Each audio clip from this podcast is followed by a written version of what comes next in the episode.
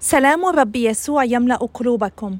معكم ماري فرنجي وأنتم تصغون الآن إلى الكتاب المقدس في عام حيث سنتعرف أكثر إلى صوت الرب ونسعى لنعيش حياتنا على ضوء الكتاب المقدس.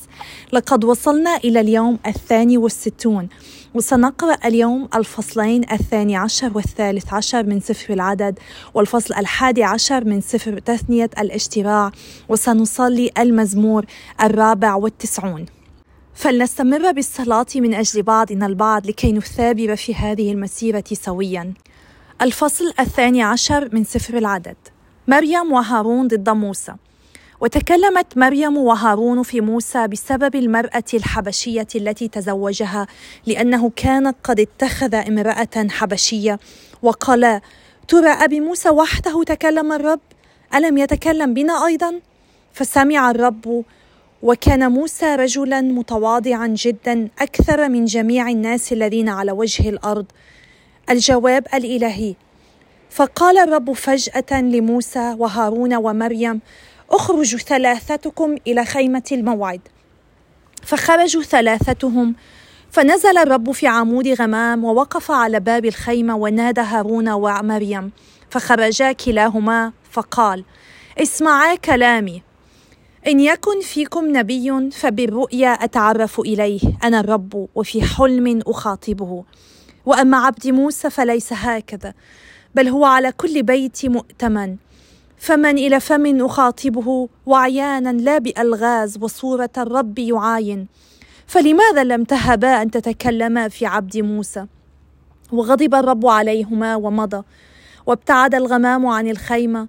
وإذا بمريم برصاء كالثلج والتفت هارون إلى مريم فهي إذا هي برصاء. تشفع هارون وموسى. فقال هارون لموسى يا سيدي لا تحملنا الخطيئة التي جننا بارتكابها ولا تبقى هذه كالميت عند خروجه من رحم أمه وقد تأكل نصف جسمه. فصرخ موسى إلى الرب قائلا اللهم اشفها. فقال الرب لموسى لو أن أباها بصق في وجهها أما تستحي سبعة أيام؟ فلتحجز سبعه أيام خارج المخيم وبعد ذلك ترجع. فحجزت مريم خارج المخيم سبعة أيام ولم يرحل الشعب حتى أرجعت مريم. وبعد ذلك رحل الشعب من حصيروت وخيموا في برية فاران. الفصل الثالث عشر من سفر العدد. استطلاع في كنعان. فكلم الرب موسى قائلا أرسل رجالا يستطلعون أرض كنعان التي أنا معطيها لبني إسرائيل. رجلا واحدا من كل سبط من اسباط آبائهم ترسلون. كل واحد يكون رئيسا من بينهم. فأرسلهم موسى من برية فاران كما أمر الرب جميعهم من رؤساء بني إسرائيل.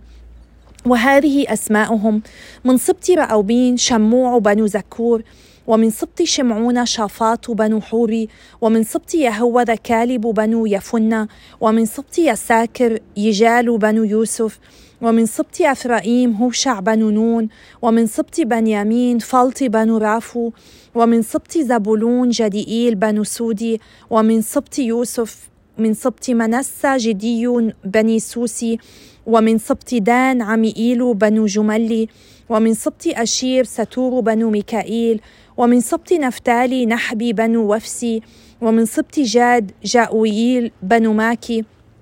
تلك أسماء الرجال الذين أرسلهم موسى ليستطلعوا الأرض وأطلق موسى على هوشع بني نون اسم يشوع. وأرسلهم موسى ليستطلعوا أرض كنعان وقال لهم اصعدوا من النقب تصعدون من الجبل فتروا الأرض كيف هي والشعب المقيم بها أقوي هو أم ضعيف أقليل هو أم كثير وكيف الأرض التي هو ساكنها أجيدة هي أم رديئة؟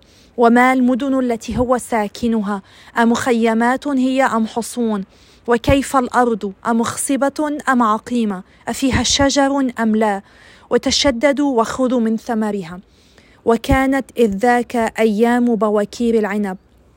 فصعدوا واستطلعوا الأرض من برية صينا إلى رحوب عند مدخل حمات صعدوا النقب ووصلوا إلى حبرون. وكان هناك أحيمان وشيشاي وتلماي وهم بنو عناق.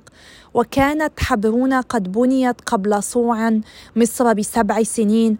ثم وصلوا إلى وادي أشكول وقطعوا هناك غصنا بعنقود واحد من العنب وحمله رجلان بقضيب مع شيء من الرمان والتين فسمي المكان وادي أشكول بسبب العنقود الذي قطعه هناك بنو إسرائيل. تقرير المرسلين. وعادوا من استطلاع الأرض بعد أربعين يوما وساروا حتى جاءوا موسى وهارون وجماعة بني إسرائيل كلها في برية فاران في قادش وقدموا لهما ولكل الجماعة تقريرا وأروهم ثمر الأرض وقصوا عليه وقالوا له قد دخلنا إلى الأرض التي أرسلتنا إليها فإذا هي بالحقيقة تدر لبنا حليبا وعسلا وهذا ثمرها. غير أن الشعب الساكن فيها قوي والمدن محصنة عظيمة جدا ورأينا هناك بني عناق. عماليق مقيم بأرض النقب والحثي واليبسي والأموري مقيمون بالجبل والكنعاني مقيم عند البحر وعلى ضفة الأردن. وأسكت كالب الشعب أمام موسى قائلا نصعد نصعد ونمتلك الأرض فإننا قادرون عليها. وأما الرجال الذين صعدوا معه فقالوا لا نقدر أن نخرج على هذا الشعب لأنه أقوى منا. وشنعوا أمام بني إسرائيل على الأرض التي استطلعوها وقالوا الأرض التي مررنا بها لنستطلعها هي أرض تأكل أك أهلها. وكل الشعب الذي رأيناه فيها أناس طوال القامات. وقد رأينا هناك من الجبابره جبابرة بني عناق. فكن في عيوننا كالجراد وكذلك كن في عيونهم. الفصل الحادي عشر من سفر تثنية الاشتراع. اختبار إسرائيل. فأحبب الرب إلهك واحفظ ما يجب حفظه من فرائده وأحكامه ووصاياه كل الأيام. وأنتم تعرفون اليوم إذ ليس الكلام مع بنيكم الذين لم يعرفوا ولم يروا تأديب الرب إلهكم وعظمته ويده القوية وذراعه المبسوطة وآياته وأعماله التي صنعها في مصر بفرعون ملك مصر وبأرضه كلها وما صنع بجيش مصر وخيلهم ومراكبهم إذ أفاض على وجوههم ماء بحر القصب حين طاردوكم فأهلكهم الرب إلى يومنا هذا. وما صنع لكم في البرية إلى أن وصلتم إلى هذا المكان. وما صنع بداثان وأبيرام ابني ألياب ابن رأوبين إذ فتحت الأرض فمها فابتلعتهما. هما وبيوتهما وخيامهما وكل من سار وراءهما في وسط إسرائيل كله. إنما عيونكم هي التي أبصرت كل العمل العظيم الذي صنعه الرب. وعد وإنذار. فاحفظوا كل الوصية التي أنا آمرك بها اليوم لكي تتقوا وتدخلوا وترثوا الأرض التي أنتم عابرون إليها لترثوها ولكي تطيلوا أيامكم على الأرض التي أقسم الرب لآبائكم أن يعطيها لهم ولنسلهم. ارضا تدر لبنا حليبا وعسلا. فإن الأرض التي أنت داخل إليها لترثها ليست كأرض مصر التي خرجتم منها حيث كنت تزرع زرعك وتسقيه برجلك كمزرعة بقول. لكن الأرض التي أنتم عابرون إليها لترثوها هي أرض جبال وأودية تشرب ماء من مطر السماء. أرض يعتني بها الرب إلهك وعينا الرب إلهك عليها دائما من أول السنة إلى آخرها. فإن سمعتم لوصاياي التي أنا آمركم بها اليوم محبين الرب إلهكم وعابدينه بكل قلوبكم وبكل نفوسكم. أعطيت أرضكم مطرها في أوانه مطر الخريف ومطر الربيع فتجمع قمحك ونبيذك وزيتك وأعطي بهائمك عشبا في حقلك فتأكل أنت وتشبع. احذروا أن تنخدع قلوبكم فتبتعدوا وتعبدوا آلهة أخرى وتسجدوا لها فيغضب الرب عليكم فيحبس السماء فلا يكون مطر ولا تعطي الأرض غلتها فتهلكون بسرعة على الأرض الطيبة التي يعطيكم الرب إياها. الخاتمة. فاجعلوا كلمات هذه في قلوبكم وفي نفوسكم وعقدوها علامة على أيديكم ولتكن عصائب بين عيونكم وعلموها بنيكم مكلمين إياهم بها إذا جلست في بيتك وإذا مشيت في الطريق وإذا نمت وإذا قمت. واكتبها على دعائم أبواب بيتك لكي تكثر أيامكم وأيام بنيكم على الأرض التي أقسم الرب لآبائكم أن يعطيهم إياها كأيام السماء على الأرض. فإنكم إن حفظتم كل هذه الوصية التي أنا آمركم بها عاملين بها ومحبين الرب إلهكم وسائرين في سبله كلها ومتعلقين به يطرد الرب هذه الأمم كلها من أمامكم فترثون أمما أعظم وأقوى منكم. كل مكان تطأه أخامس أقدامكم انطلاقا من البرية يكون لكم ومن لبنان ومن النهر نهر الفرات إلى البحر الغربي تكون حدودكم. لا يقف إنسان في وجوهكم فإن الرب إلهكم يوقع رعبكم وخوفكم على وجه كل الأرض التي تدوسونها كما قال لكم. انظر إني جاعل أمامكم اليوم بركة ولعنة. البركة إن سمعتم لوصايا الرب إلهكم التي أنا آمركم بها اليوم واللعنة إن لم تسمعوا لوصايا الرب إلهكم وابتعدتم عن الطريق التي أنا موصيكم بها اليوم لتسيروا وراء آلهة أخرى لم تعرفوها. فإذا أدخلك الرب إلهك إلى الأرض التي أنت داخل إليها لترثها فاجعل البركة على جبل جرزيمة واللعنة على جبل عيبال.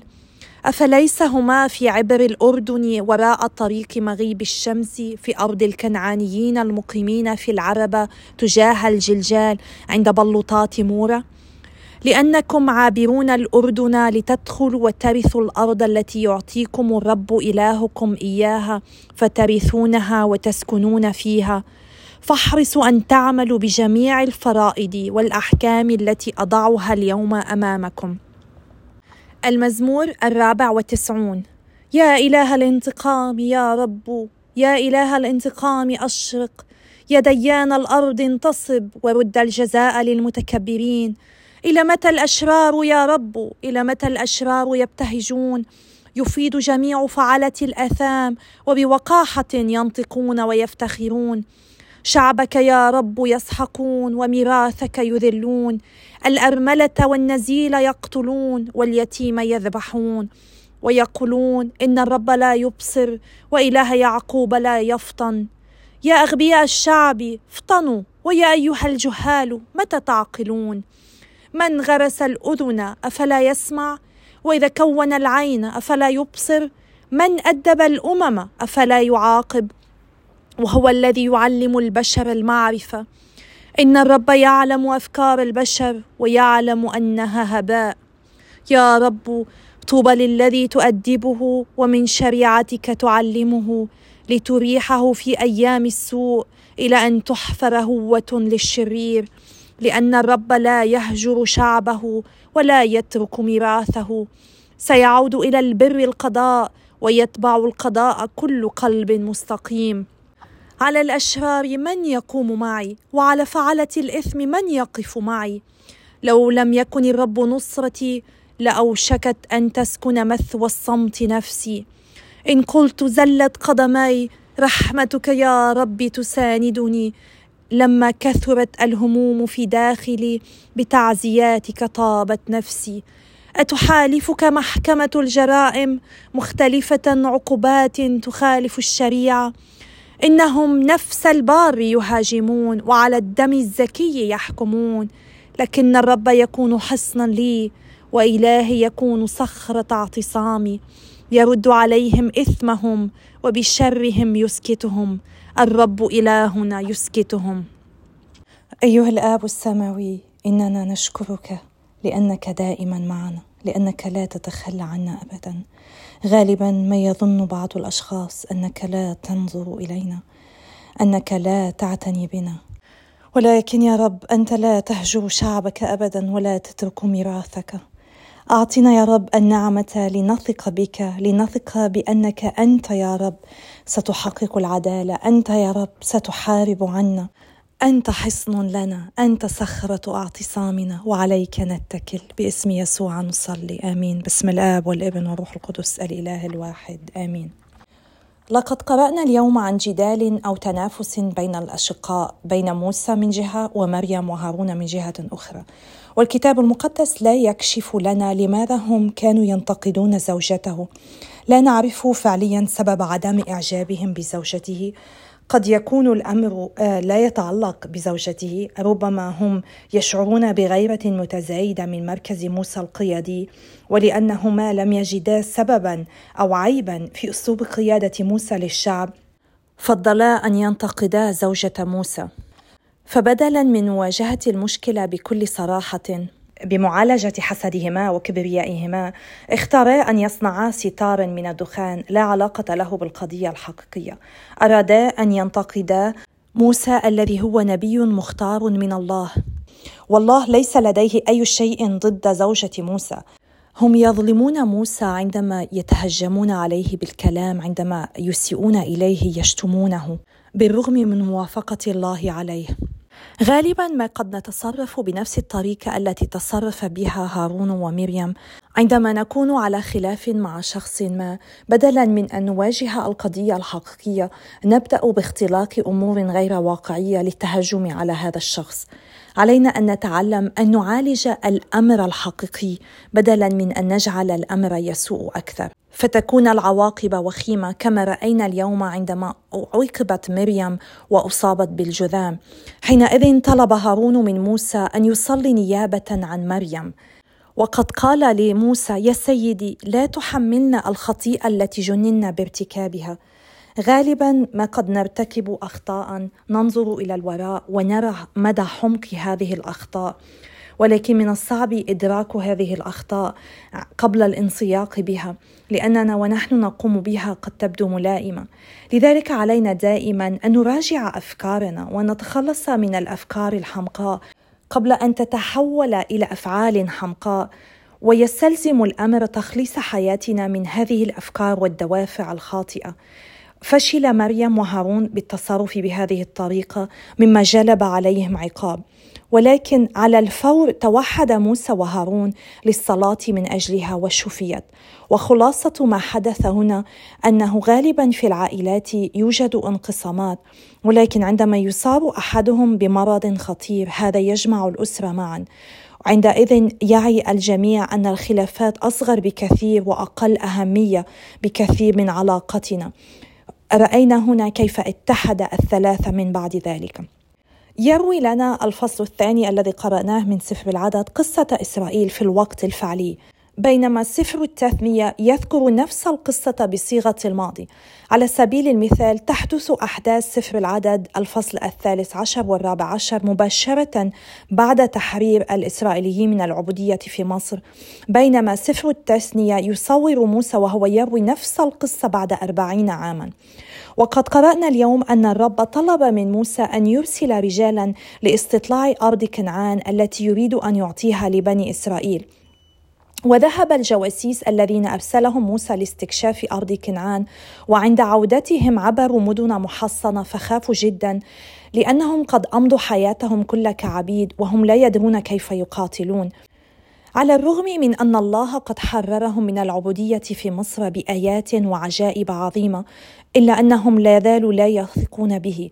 عندما رجع هؤلاء الجواسيس أخبروا موسى أنهم لا يستطيعون دخول أرض كنعان.